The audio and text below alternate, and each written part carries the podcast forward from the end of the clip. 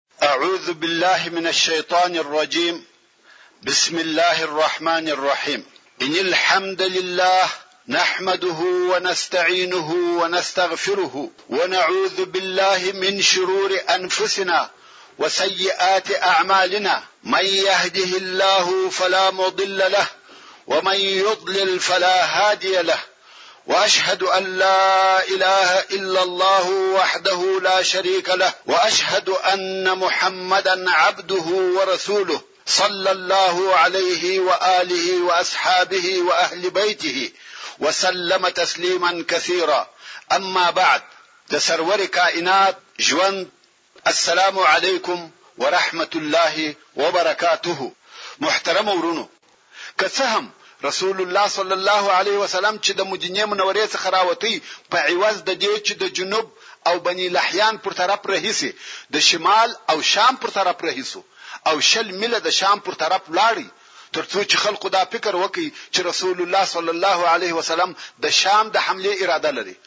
او اخبار هم داسې نشر شوه چې رسول الله صلی الله علیه وسلم د شمال د حملې اراده لري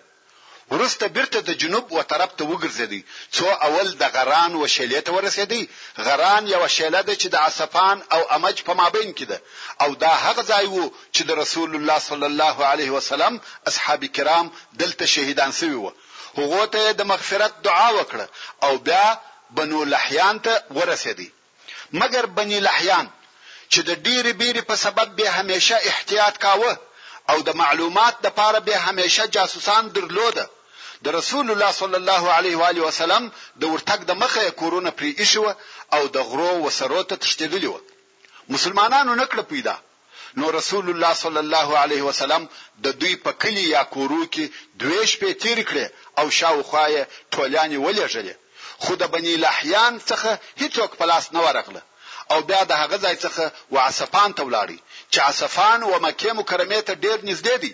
او د دغه ځای څخه یې لس نفره سپاره د ابوبکر صدیق رضی الله تعالی عنه په مشرۍ ومکې مکرمې ته ولېږل. چې دغه ډله هم د مکې مکرمې و حدودو ته داخله شوه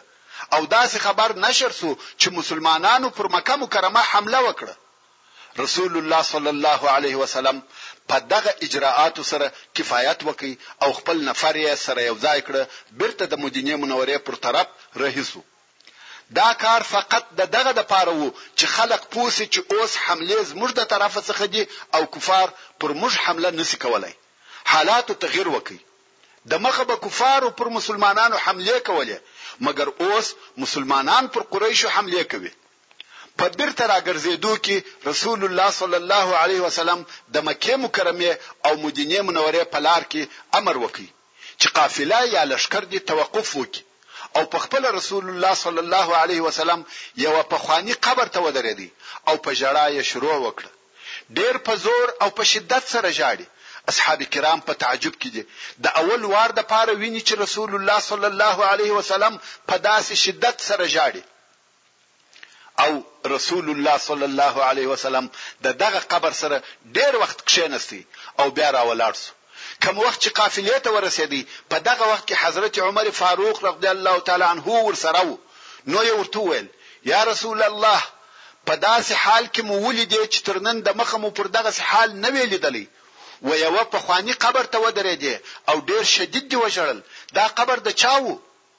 رسول الله صلی الله علیه وسلم وفرمایل دا زما د مور قبر دی هغه چې د مدینې منورې او مکې مکرمې د لارې په مابین کې وفات شوی و او دلته شخه شوی و نو ویل دا زما د مور قبر دی ما د خپل رب څخه اجازه وغوښته چې د خپل مور د قبر زیارت وکم اجازه را ته وکړ او بیا می اجازه وغوښته چې ودې ته د مغفرت دعا وکم اجازه را نکړه نو هغه د اولاد مهرباني چې پر مور یې لري ونیولم. وروڼو! د رسول الله صلی الله علیه وسلم د ژړا سبب دغه مهرباني وه. که څه هم د ده علیه الصلوة والسلام مور د ده پر دین نه وه،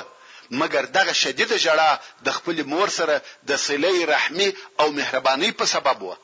رسول الله صلی الله علیه وسلم زموږ معلم او لارښوونکی دی انسانیت او شفقت راښي مهرباني او رحمت راښي صله رحمي او قرابت راښي او دا شیان ټوله په ده علیه الصلاة وسلام کې موجود وه زموږ حبیب او لارښوونکی سخت زړه او بد طبیعته نه و بلکې رؤف او رحیم و بیا نو رسول الله صلی الله علیه وسلم تر دغه غزا وروسته څو سریې پرله پسې شاوخوا لېږلي دي چې اوس به په اختصار سره درته بیان شي. اول، د عکاشه رضی الله تعالی عنه سریه، د هجرت په شپږم کال کې د ربیع الاول په میاشت کې د مسلمانانو د طرفه د بنو اسد پر قبیله حمله وشوه چې د بنو اسد د قبیلې مشر طلیحه ابن خویلد الاسدي و. او دی د هغو کسانو څخه دی چې د خندق په غزا کې یې د مسلمانانو پر ضد اشتراک کړی و، دی او د ده قوم د کفارو ملګري وه. نو رسول الله صلی الله علیه وسلم څلوېښت نفره سپاره د عکاشه ابن محسن الاسدي رضی الله تعالی عنه په مشرۍ و بنو اسد ته د جزا ورکولو دپاره ولېږل عکاشه رضی الله تعالی عنه چې په خپله دی هم د بنو اسد د قبیلې څخه وو او مسلمان وو دی په دې سبب ولېږل سو چې دی په خپل قوم او د هغو په لارو کې ښه بلد وو نو ځکه د دغه ټولۍ مشر هم دی وو کم وخت چې دغه سریه هلته ورسېده او بنو اسد به خبره و د جنگ د پاره تیاری او آمادګی نه درلوده نو وغرو ته وختل او هغه پوهیدل چی یو وخت نه یو وخت به مسلمانان پر موږ حمله کوی نو بیا همیشه خپل حیوانات لکه اوښان او پسونه په غرو کی پټول اوس چی عکاشه رضی الله تعالی عنه ورغلی او دوی غرو ته وختل خو په کلی کی نه اوښان سته نه پسونه عکاشه رضی الله تعالی عنه په تعجب کی سو چی د کلی حیوانات چیری دی خو د مخه یې د کلي د نفرو څخه یو نفر نیولی و، د هغه څخه یې تحقیقات شروع کړه چې پسونه او اوښان مو چیرې دي؟ هغه ویل که ماته امان راکوئ زه به پسونه او اوښان در وښیم، مسلمانانو هم قبوله کړه ویل ښه دی ته په امان یې، نو یې مسلمانان رهي کړه ډیر لیرې یې بوتله، څو مسلمانان وبېرېده چې غدر راسره ونه کړي، بیا یې دوهم وار د دغه نفره څخه پوښتنې شروع کړې، ویل ته زموږ سره غدر او خیانت کوې؟ داسې ځای ته مو بیایې چې هلته یې کمین راته نیولی دی؟ سړي ویل، یا والله! داسې نه ده، بلکې حیوانات د دغه غره تر شا دي. نو مسلمانانو وهغه ځای ته نفر ولېږل چې معلومات وکړي، رښتیا هم هلته یوه شېله په اوښانو او پسو ډکه وه. مسلمانانو هغه ټول حیوانات په غنیمت واخیسته او مدینې منورې ته یې راوسته چې دا د مسلمانانو دپاره لوی غنیمت وو او لکه څرنګه چې یې د هغه سړي سره وعده کړې وه امان یې امان یې ورکړ هغه یې پرېښاوه دوهم د محمد ابن مسلمه رضی الله تعالی عنه سریه همدارنګه د هجرت په شپږم کال د ربيع الاول په میاشت کې رسول الله صلی الله علیه وسلم یو معلوماتي او استخباراتي ډله چې شمیر یې لس نفره وو د القصه و طرف ته چې د بنی ثعلبه د قبیلو ځای وو ولېږل چې د دغه ډلې مشر او قومندان محمد ابن مسلمه رضی الله تعالی عنه بني ثعلبه هغه قبیله ده چې د خندق په غزا کې یې د مسلمانانو پر ضد د کفارو سره ګډون کړی و. خو رسول الله صلی الله علیه وسلم د مخه تر دې چې د هجوم او حملې د پاره څوک ورولېږي د غلس نفریزه ډله یې د معلوماتو د پاره ولېږل چې هلته وګوري چې بني ثعلبه د جنگ د پاره آمادګي لري کیا او بیا رسول الله صلی الله علیه و علیه وسلم ته خبر راوړي نو دغه لس نفره د معلوماتو د پاره و القصه ته د بني ثعلبه پر طرف رهي شوه. څرنګه چې بني ثعلبه د خندق په غزا کې د کفارو په ملګرتیا ګډون کړی و او په دې خبر و چې د رسول الله صلی الله علیه وسلم د طرفه د جزا ورکولو حملې شروع شوې دي نو یې ډیر احتیاط کاوه او د معلوماتو د پاره به تر ډیرو لیرو ځایو پورې نفر لېږل خو محمد ابن مسلمه رضی الله تعالی عنه او د ده ملګرو دا فکر نه کاوه چې د دوی نه پر دې دونه لرې راووځي، نو په بېغمه زړه رهي وه، ویل چې ورنږدې شو بیا به احتیاط کوو. هلته د بنو ثعلبه د قبیلې څخه سل نفره د معلوماتو لپاره راوتلي وه او په دغه لسو نفرو مسلمانانو خبر شوه. نو یې کمین ورته ونیوی او په بې خبرتیا کې یې حمله پر وکړ حتی څوک وایي چې دوی بده سوه هغو حمله پر وکړ او مسلمانان یې ټول شهیدان کړ بې له محمد ابن مسلمه رضی الله تعالی عنه څخه چې هغه هم زخمی سوی وو د کفارو دا خیال سو چې دی هم وژل سوی دی ځکه محمد ابن مسلمه رضی الله تعالی عنه د وژل سو کسانو سره ځان پر مرګ واچاوه کفار راغله مړي يې سره واړول ټول مړه وه حتی محمد ابن مسلمه رضی الله تعالی عنه يې هم په پښه وواهه خو ده حرکت نه کاوه که څه هم دی ژوندی و ځان يې پر مرګ واچاوه نو کفارو د دوی سامانونه واخیسته او لاړه دغه لس نفریزه ډله بې له محمد ابن مسلمه رضی الله تعالی عنه څخه ټول شهیدان سوه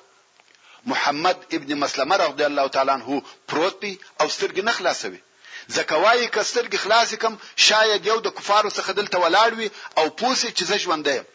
نو یې سترګې پټې کړې دي او ځان یې پر مرګ اچولی دی. ډېره موده پر دغه حال پاته و څو یو کړپی یې واورېدی. پوه شو چې یو نفر راغلی او د شهیدانو په مابین کې ګرځي. محمد ابن مسلمه رضی الله تعالی عنه هغسې د مرګ پر حال ځان اچولی دی.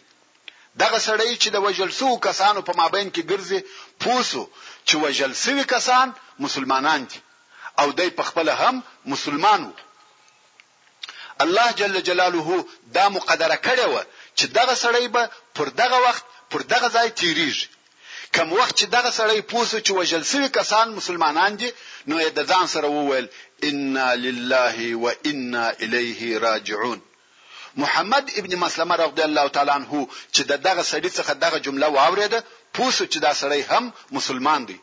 نو ویل سړیه زه ژوندی یم هغه سړی هم دی راپورته کوي او هلته یې د زخمو یو څه علاج وروکي او بیا یې مدینه منورې ته راوستي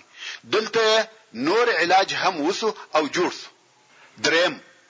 د ابو عبیده عامر ابن الجراح رضی الله تعالی عنہ سریه بیا نو رسول الله صلی الله علیه و آله وسلم د دغه کال د ربیع الاخر په میاشت کې یوه څلوېښت نفریزه ډله د ابو عبیده عامر بن الجراح رضی الله تعالی عنه په مشرۍ و دغه ذی القصه ته چې د بني ثعلبه قبیله هلته اوسېده ولېږل سره د دې چې بنو ثعلبه ویښ او بیداره وه، پوره احتیاط یې کاوه، مګر ابو عبیده رضی الله تعالی عنه چې د شپې بې تګ کاوه، سهار د سپېدو سره یې ناببره حمله پر وکړه. که څه هم حمله د هغو په بې خبرتیا کې وه، بیا هم هغو وکولای شوای چې د غرو و سرو ته ځینې وتښتي. مسلمانانو فقط یو نفر په اسارت ونیوئ او د هغه نورو سامانونه او اوښان یې په غنیمت ځنې راوړه، دا یوه جزا وه چې د بنی ثعلبه و قبیلې ته ورکول شوه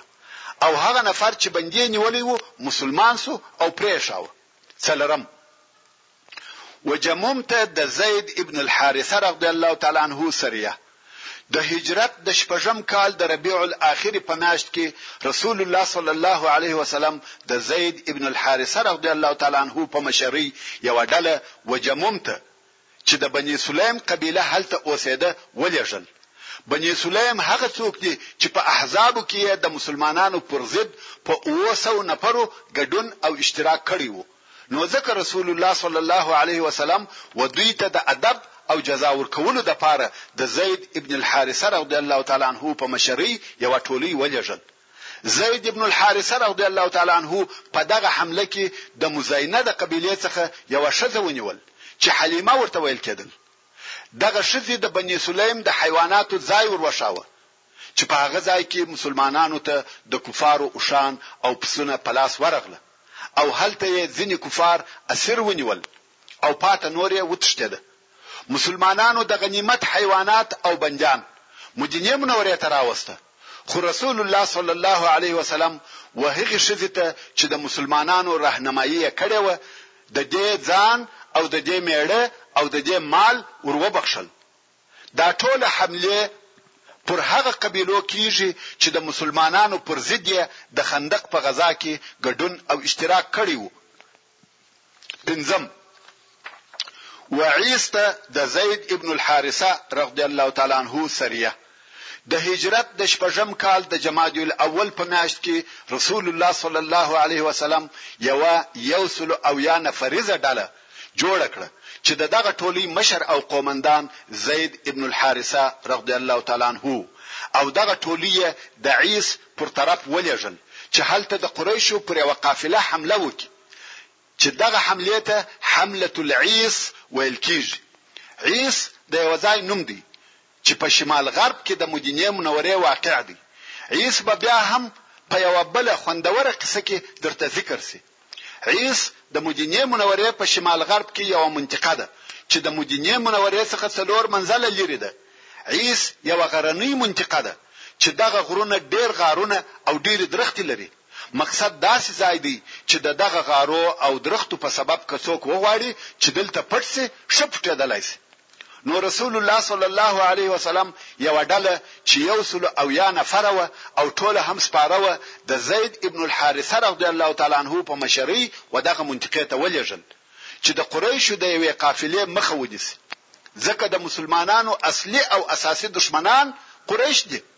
او د دغه قافلې مشر ابوالعاص د رسول الله صلی الله علیه وسلم زوم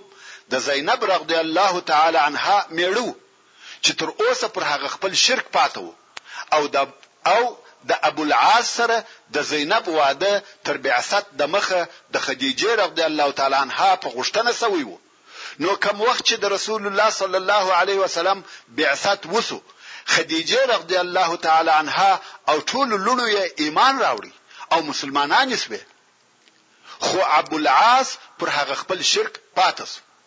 او د بدر په غزا کې د مسلمانانو سره د جنگ د پاره د کفارو په لشکر کې راووتی او بیا د بدر په بندیانو کې ونیول سو څرنګه چې بندیان په فدیه خلاصېده نو زینب رضی الله عنها چې په مکه مکرمه کې و د خپل میړه د خلاصولو لپاره مال او د خپل مور خدیجه رضی الله تعالی عنها هغه امیل چې ودې ته ورکړی وو راولېږل او د رسول الله صلی الله علیه وسلم د امیل په لیدلو سره خدیجه رضی الله عنها ورپیاس و نو یې ابو العاص بل فدی الکی ابوالعاص هم د دغه نېکۍ په مقابل کې زینب رضی الله تعالی عنها ته د هجرت اجازه ورکړه چې خپل پلار ته ولاړه شي چې دغه قصه مې د بدر په غزا کې په تفصیل سره درته بیان کړې ده نو اوس زینب رضی الله تعالی عنها په مدینه منوره کې د خپل پلار صلی الله علیه وسلم سره ژوند کوي هلته زید ابن الحارثه رضی الله تعالی عنه په دغه ځای کې چې ډیر غارونه او درخت پکښې و کمین ونیوي کوم وخت چې د قریشو قافله را ورسېده نو یې حمله پر وکړه او ټوله قافله یې په غنیمت واخیسته. هر څه چې پکښې وه، مالونه، اوښان او ټول هغه کسان چې په دغه قافله کې وه هغه یې ټوله بندیان ونیول. بې له ابوالعاص څخه چې هغه په تېښته ځان ځنې خلاص کړ او مخ پر مدینه منوره رهي شو. خیر، قافله او د هغې سره نیول شوي بندیان مدینې منورې ته راوستل شوه او د پخواني عادت سره سم ټول بندیان د مسجد د دروازې سره وتړل شوه. ابوالعاص هم په دغه شپه په پټه د زینب رضی الله تعالی عنها چې د ده ښځه ده کور ته ورغلی، دروازه یې وټکول، دهاخوا ورته وویل شو، څوک یې؟ ده ویل، ابوالعاص. ښځه ده د خپل خاوند په راتګ سره ډېره خوشاله شوه، د دې دا خیال شو چې سړی مسلمان شوی دی او راغلی، خو ابوالعاص قصه ورته وکړه، د دې څخه یې وغوښته چې ما ته جوار او امان راکړه او د رسول الله صلی الله علیه وسلم څخه وغواړه چې د قافلې مالونه بیرته ما ته راکړي، کوم وخت چې خلق د سهار د لمانځه لپاره سره راټول شوه او رسول الله صلی الله علیه وسلم د لمانځه اول تکبیر ووایه، مسلمانانو هم په لمانځه شروع وکړه په دغه وخت کې د یوې ښځې ږغ واورېدل سو چې ویل و ابو العاص ته مې جوار ورکړی دی دا ښځه د رسول الله صلی الله علیه و علیه وسلم لور زینب رضی الله تعالی عنها و چې خپل خاوند ته جوار او امان ورکړي اوس خو رسول الله صلی الله علیه وسلم په لمانځه مشغول وو جواب یې نسوای ورکولای کم وخت چې د لمانځه څخه فارغ سو نو یې مسلمانانو ته وکتل او ویل تاسو هم هغه واورید چې ما واورید مسلمانانو ویل هو یا رسول الله رسول الله صلی الله علیه وسلم و فرمایل والله نه په خبر وم نه چا راته ویلی و دا کار زما په بې خبرتیا کې پیښ شو او اوس خبره ستاسې په اختیار ده، هر قسم چې مو خوښه وي هغسې وکړئ. اختیار یې و هغه مسلمانانو ته پرېښوئ چې قافلې ته وتلي وه، هغو ویل، یا رسول الله! اکرام یې کوو، عزت یې کوو، ټوله بندیان ایله کوو او مالونه یې هم بیرته ورکوو، نو یې ابوالعاص د زینب رضی الله تعالی عنها د عزت او جوار په سبب پرېښاوه او د ده خپل شخصي مالونه یې ورکړه، څرنګه چې د ابوالعاص سره په قافله کې نور امانت مالونه هم ورسره وه، هغه یې هم د رسول الله صلی الله علیه و آله وسلم د خېښۍ او قرابت په سبب ور پرېښوول، نو اوس د ابوالعاص د عزت په سبب د قافلې ټول بندیان پرېښول شوه، مالونه ورکول شوه، ابوالعاص چې دغه ښه معامله او نېکي ولیده، د مسلمانانو لمونځ یې ولید، قرآن مجید یې واورېد، دا ټولو تاثیر پر وکړ. مګر مسلمان نه شو نو خپل مالونه او امانتونه یې ورسره واخیسته او مکې مکرمې ته ولاړی هلته یې امانت مالونه و خپل مالکانو او خاوندانو ته ورکړه هر نفر ته یې هغه خپل شی پوره ور ورساوه او بیا یې ټول هغه خلق سره راټول کړه چې د ده سره یې مالونه و او ځینې وې پښتل چې آیا ما خپل غاړې خلاصې کړې د چا خو به شی نه وی راسره پاته هغو ویل هو مالونه مو پوره راورسیده خدای دی خیر درکی رشتیا هم امین صادقه او باوفا سړی یه نو ابوالعاص وویل مګر زه شاهدی ادا کوم لا اله الا الله وان محمدا رسول الله ما نه غوښته چی خپل ایمان او اسلام په مدینه کی ښکاره کم. ځکه بیا به تاسې ویلای چې زموږ مالونه یې یووړ او د دغه مالو په سبب مسلمان شو.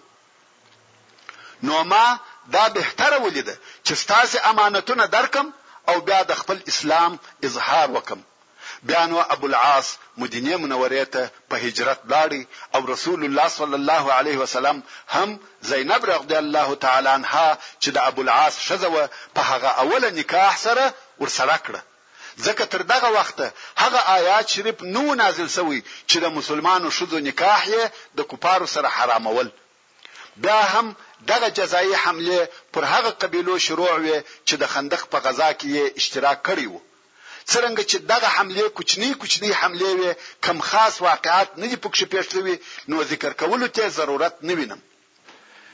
د بني مصطلق غزا د هجرت د شپږم کال د شعبان میاشت را ورسېده. په دغه میاشت کې هغه لو غزا چې د بني المصطلق غزا ورته ویل کېږي پېښه شوه. که څه هم دغه غزا د عسکري لحاظه برداره او اوږده غزا نه وه، مګر په دې غزا کې داسې وقایع پېښ شوه چې په اسلامي ټولنه کې یې شور او غوغا جوړه کړه. منافقین پکښې رسوا شوه په دې غزا کې تعزیري حدود مشروع شوه یعنی پر ځینو ګناه کوونکو په درو سره وهل مشروع شوه دغه غزا و اسلامي ټولنې ته صفا او کرامت راوړی دغه غزا و مسلمانانو ته عفت او د نفس پاکي راوړه دغه غزا د تاریخ او سیرت علما غزوه العجائب بولي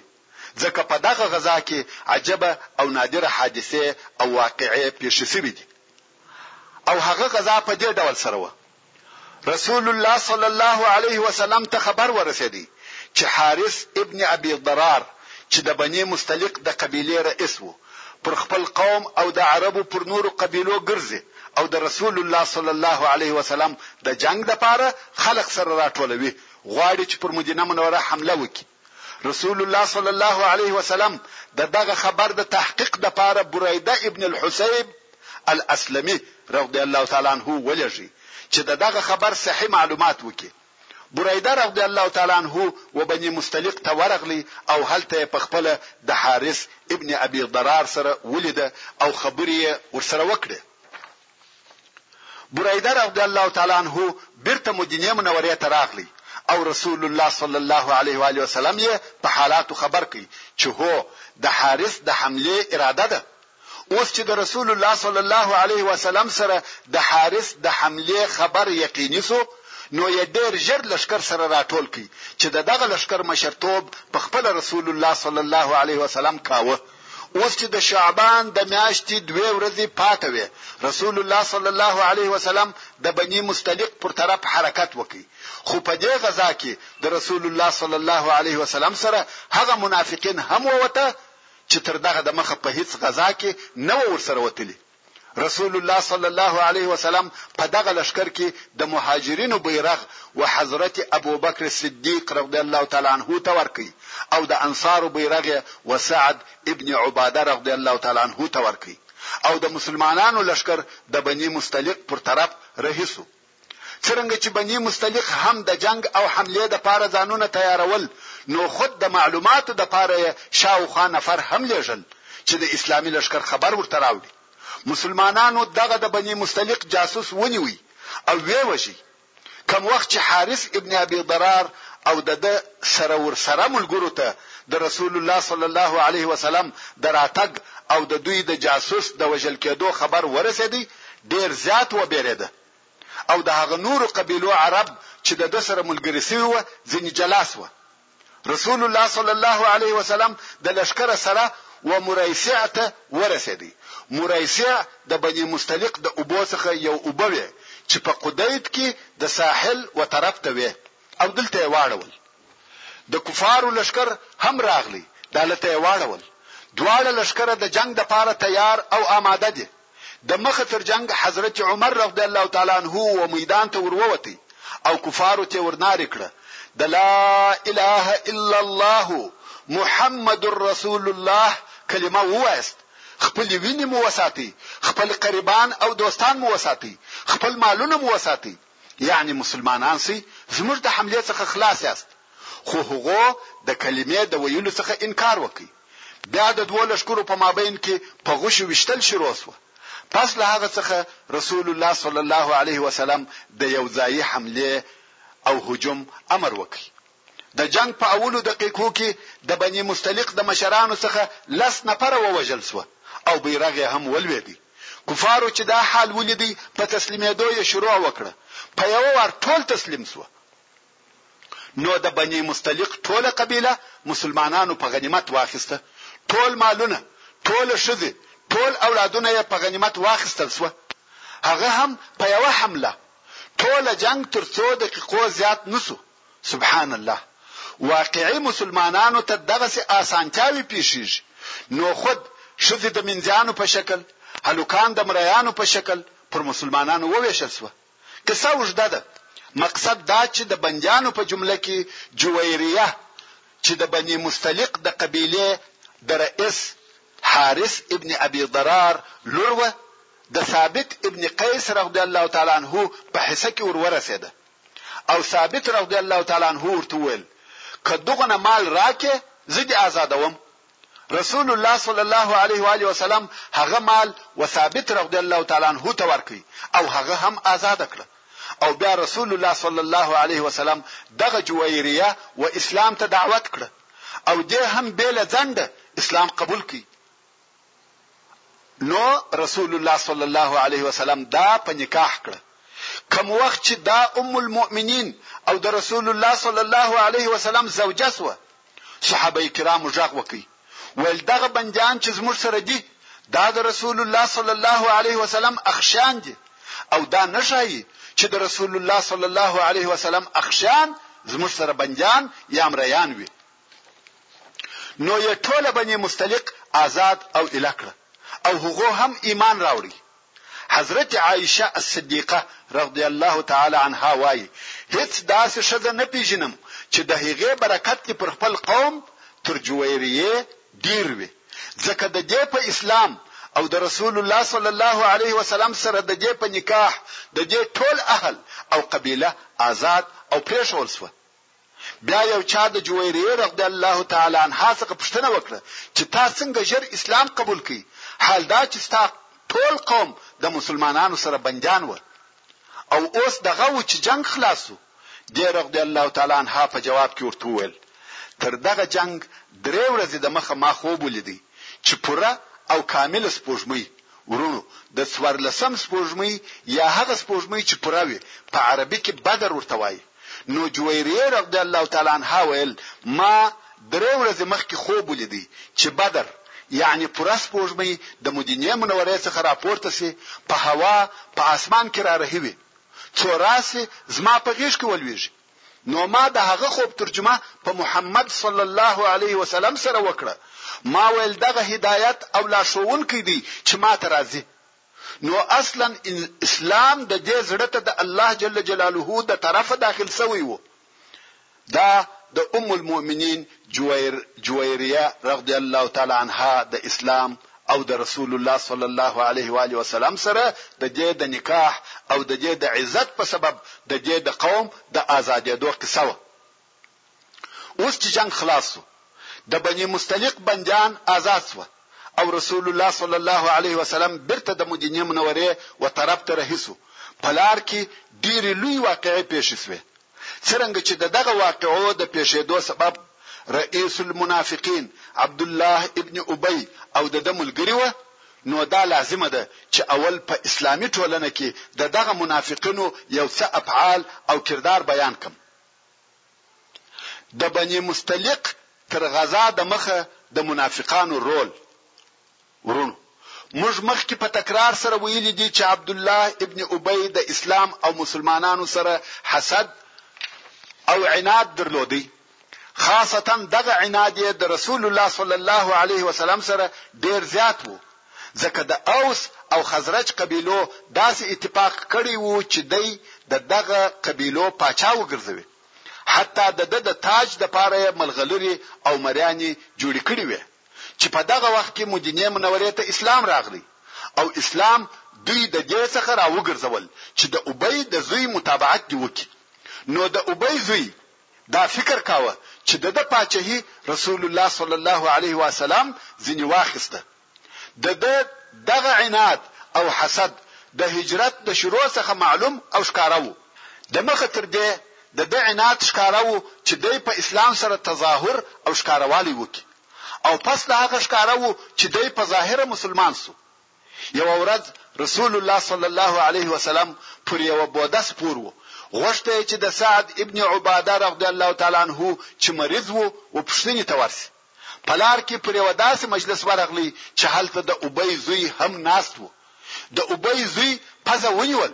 او ویل پر موږ دوړي مکوي او بیا چې رسول الله صلی الله علیه وسلم ودغه مجلس ته قرآن مجید تلاوت کړ، د ابی زوی ویل، په کور کې دې کښېنه، زموږ مجلسو ته مه راځه. د دغه حدیث شریف روایت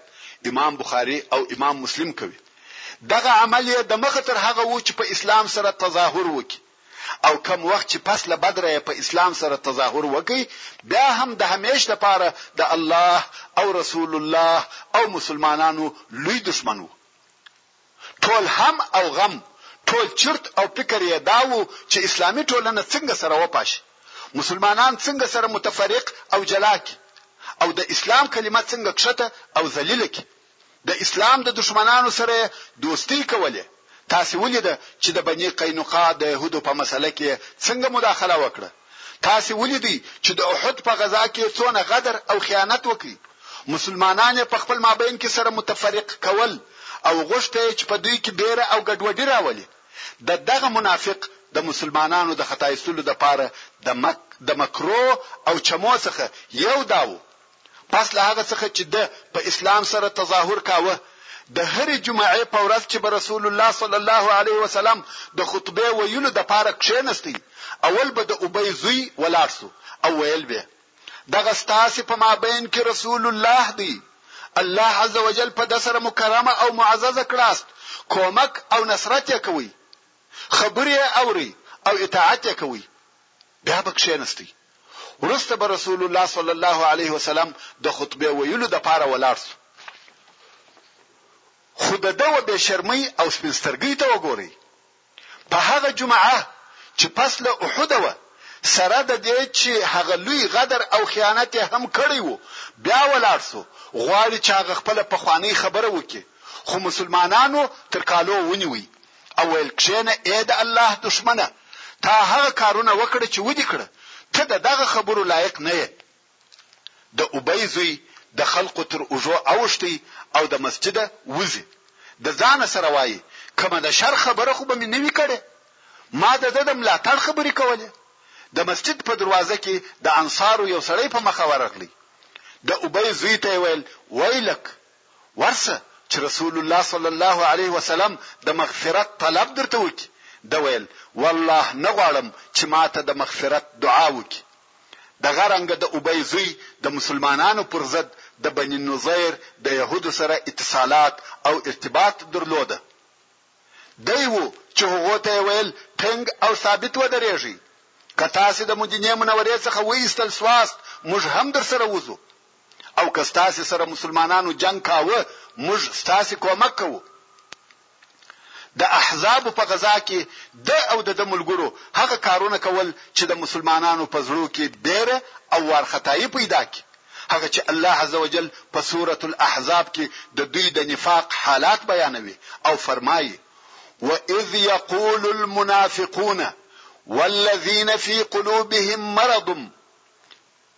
ما وعدنا الله ورسوله الا غرورا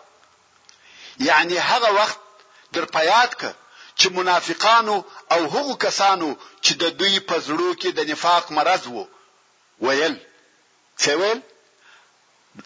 ویل الله او د الله رسول زموږ سره د روم فارس او یمن د فتح کېدو وعده نه ده کړې مګر په غرور او خطا استلو سره چې پوره ترجمه او قصه يې د خندق په غزا کې درته بيان شوه تر څو چې الله جل جلاله پسې فرمايي يحسبون الاحزاب لن يذهبوا وان يأتي الاحزاب يودوا لو انهم بادون في الاعراب يسألون عن انبائكم ولو کانو فیکم ما قاتلو الا قلیلا یعنی دغه منافقان د کفارو پر لښکرو ګمان کوي چې په ماته او شکست سره نه دي تللي او که چیرې بیا د کفارو لښکر د جنګ د پاره راسي نو د دغه منافقانو دا خوښه ده چې دوی د ښار څخه لري د اعرابو په کلو کې و اوسېږي او هلته یا د هغه ځای څخه ستاسو د حال او احوال پوښتنه کوي او که چیرې دغه منافقان په تاسې کې وای نو جنگ به نه وای کړی مګر ډیر لږ هغه هم د ریا د پاره الله جل جلاله د منافقانو د زړو حال ښکارا کوي او فرمایي دغه د کفارو لشکري چې د خندق د غزا څخه ناکام ولاړې مګر دغه بېرېدونکي منافقان لا تر اوسه هم نه دي متيقن چې کفارو ماته وخوړه او ولاړه او که فرضاً د کفارو لښکرې بېرته راشي او پر مسلمانانو حمله وکړي نو د منافقانو دا آرزو او تمنا ده چې د جنګ تر ختمېدو پورې بلکل د ښاره څخه ووځي او یوه لیري کلي ته ولاړ سي او هلته د جنګ د حالاتو معلومات د تلونکو او راتلونکو خلقو څخه کوي چي له مسلمانانو څه حال دی او جنګ و کوم ځای ته ورسېدی دغه منافقان د خولې په خبرو او په ښکاره سره ستاسي غیر ستاسي خیر غوښتونکي دي خو په جنګ او د خندق په کیندلو کې ډیر کار نه کوي، صرف د مجبوریت په سبب او د ریا د پاره په جنګ کې لږ حصه اخلي. وروڼو! د کفارو او منافقینو دغه راتلونکي دسیسو ته ښه متوجه شئ. د رسول الله صلی الله علیه وسلم د زمانې څخه تر اوسه پورې د اسلام د دښمنانو د طرفه دغه رویه او طریقه عملي کیږي. د اسلام دښمنان که یهود وه که منافقین وه که مشرکان وه په دې ښه پوهېده او نن ورځ هم ښه پوهېږي چې د اسلام کامیابي د اقتصاد په قوت سره نه ده، د اسلحې او د لښکرو د ډېروالي په سبب سره نه ده، بلکې د دوی کامیابي د دوی د دین، د دوی د اخلاقو، د دوی د هغه قوانینو په سبب ده چې اسلامي ټولنه او افراد یې لري کفار پوهېده او پوهېږي چې د دغه فیض او نور، د دغه کامیابۍ او سرلوړۍ منبع رسول الله صلی الله علیه وسلم دی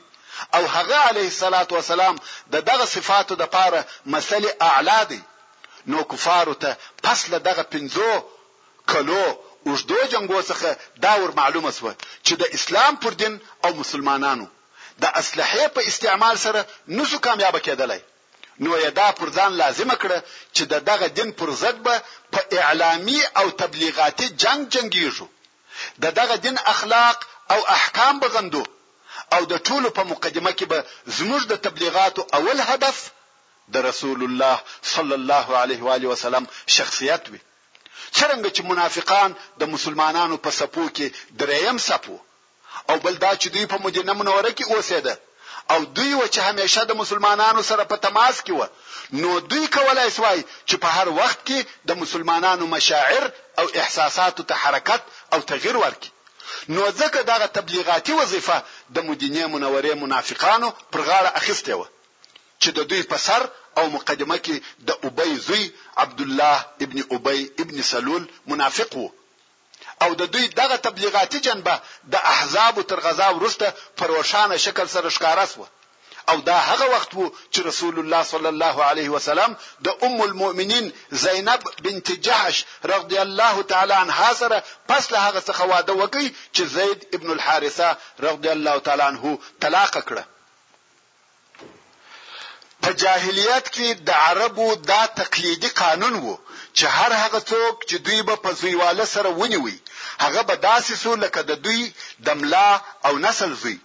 د دوی په تقلیدي قانون د دغه زوی ښځه پر هغه چا حرامه وه چې دی یې په زویواله سره نیولی و نو کوم وخت چې رسول الله صلی الله علیه وسلم د زینب رضی الله تعالی عنها سره نکاح وکړه منافقینو ته د رسول الله صلی الله علیه وسلم پر ضد د شر پارولو د پاره د دوی په باطل ګمان دوه اعتراض پیدا سو اول دا چې دا د رسول الله صلی الله علیه وسلم پنځمه زوجه و او دوی به ویل قران مجید تر څلورو شذو زیات اجازه نه ده کړې نو دا کار څنګه ورسول الله صلی الله علیه و آله وسلم ته صحیح او جائز دی دوهم زینب رضی الله عنها د هغه چا شزه و چې د علیه الصلاۃ والسلام په زویوالي سره نیولې وو نو د خپل زوی د شذې سره نکاح کول اکبر الکبائر ګناه ده البته دا د عربو د جاهلیت په تقلیدي قانون کې نو یا په دغه موضوعاتو کې تبلیغاتو ته زور ورکړي او په دغه باره کې یې قصې او نقلونه جوړ کړه او دغه جوړ شوي تبلیغات یې په دونه جوش او شور سره نشر کړه چې متاسفانه نن ورځ هم د هغو آثار په ځینو کتابو او خلقو کې پاته دي او دغه تبلیغاتو د ضعیف الایمانه مسلمانانو په زړو کې قوي اثر وکړي ترڅو چې په دې باره کې د قرآن مجید ښکاره او روښانه آیاتونه نازل شوه چې په هغو کې د دغه قلبي امراضو علاج وو او د دغه تبلیغاتو پر پراخوالي او ډېروالي دا دلالت کوي چې الله جل جلاله د سورة الاحزاب په شروع کې څو آیاته د دغه تبلیغاتو د ردولو لپاره نازل کړل.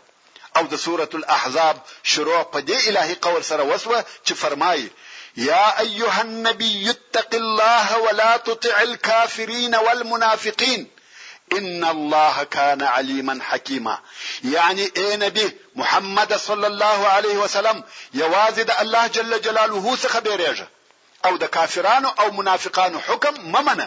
بېشکه چې الله عالم دی او د ښه حکمت خاوند دی وروڼو! نن ورځ هم د ابی د زوی غوندې منافقان د اسلام دښمنان او ضعیف الایمانه مسلمانان شته چې عیناً هغه د ابی د زوی خبرې تکراروي او بیانوي او د رسول الله صلی الله علیه وسلم پر مبارک ذات قسم قسم ناوړه تورونه لګوي ایا د ابی د زوی دغه خبرو د اسلام مخه ونیول؟ او که په ټوله تاریخ کې د منافقانو او د اسلام د دښمنانو خبرو د اسلام مخه نیولې ده؟ خو افسوس د هغه کم عقله او ضعیف الايمانه مسلمانانو پر حال دی چې د دغه خبرو تر تاثیر لاندې کیږي او خپل آخرت ته بې له کومې دنیوي فایدې تاوان رسوي. او ځان د دوژخ و کندو ته ور اچوي، هو! هلته داسې کسان شته چې د دغه خبرو په بیانولو سره په میلیونو میلیونو ډالر اخلي، لکه سلمان رشدي یا د ډنمارک احمق یا نور د دوی امثال، هغه خو اصلاً کافران دي، د ابی د زوی اولاده ده، خو د مسلمانانو یې پر څه چې خپلې عقیدې په خپله خرابوي او د دوژخ پر طرف په خپله خوښه ور ځغلي، وروڼو! دا د منافقانو و هغه رول او عمل ته یوه اشاره وه چې دوی د بني مصطلق تر غزا د مخه لوباوه او عملي کاوه او رسول الله صلی الله علیه وسلم دغه د دوی عمل په صبر، نرمي او تلطف سره زغامه او پر ځان تېراوه. عامو مسلمانانو د دوی د شر څخه ځانونه ساتل. یا یې د دوی آزارونه په صبر سره زغمل، ځکه مسلمانانو منافقان د هغو په رسوا او بې شرمه عمل سره پېژندلي وه، چې هر وار به داسې عمل ځنې پېښ شو، چې په هغه سره به رسوا او شرمنده شوه، لکه الله عزوجل چې د سورة التوبه په یو سل شپږ ویشت نمبر آیات کې فرمایي، اولا یرون انهم یفتنون فی کل عام مرة او مرتین ثم لا یتوبون ولا هم یذکرون یعنی آیا دغه منافقان نه ګوري او فکر نه کوي چې دوی په هر کال کې یو یا دوه واره په قسم قسم مصیبتو مبتلا کیږي خو دوی د خپل نفاق څخه نه توبه کاږي او نه دوی په دغه ابتلا سره پند اخلي وروڼو! دا خو د منافقانو هغه اعمال او کارونه وه چې د بني مستلق تر غزا دمخه یې کول. اوس راسئ چې د بني مستلق په غزا کې د منافقانو رول او عمل واورو. اوس چې د بني مستلق غزا شوه او د اول وار دپاره په هغه غزا کې منافقان د مسلمانانو سره ووتل نو یې د الله عزوجل د هغه قول مصداق ښکاره کړ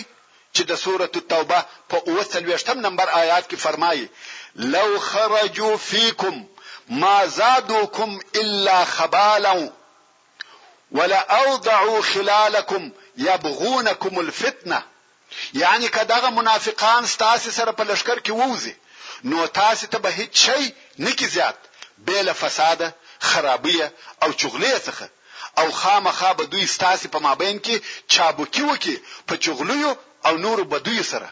حال دا چې دوی به ستاسې لپاره فتنه او بدي غواړي.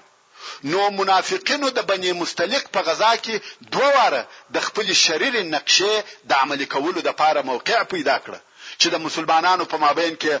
لو پریشاني په وجود راوړه او د رسول الله صلی الله علیه وسلم پر ضد یې بد تبلیغات شروع کړه.